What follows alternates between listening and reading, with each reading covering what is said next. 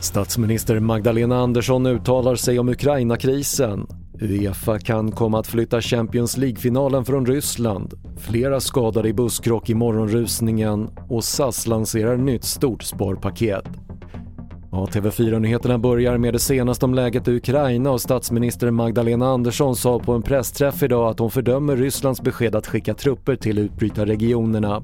Trupperna har skapat ordentlig oro i konflikten och vår reporter Ritva Rönnberg är på plats i Lviv i Ukraina. Ja, det här innebär mycket stor osäkerhet om vad som kommer att hända. Nu finns det överhuvudtaget inget eldupphöravtal att hänvisa till.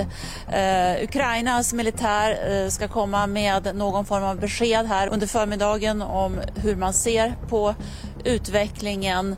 Det som har hänt i övrigt är att eh, USAs USAs ambassad har lämnat Lviv där jag är och flyttat in till Polen.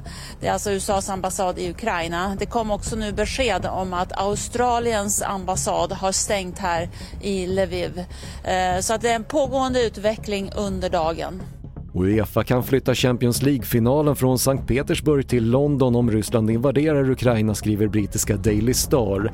Enligt tidningen är Wembley ett tänkbart alternativ speciellt om två brittiska lag tar sig till finalen. Sju personer fördes till sjukhus efter en olycka på E18 strax norr om Stockholm under morgonen efter att tre bussar kört in i varandra.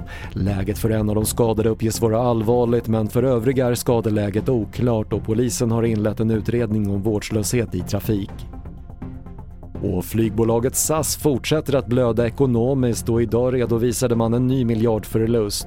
Nu ska SAS genomföra ett nytt stort sparpaket på 7,5 miljarder kronor men enligt bolaget ska det i första hand inte ske genom ytterligare personalnedskärningar.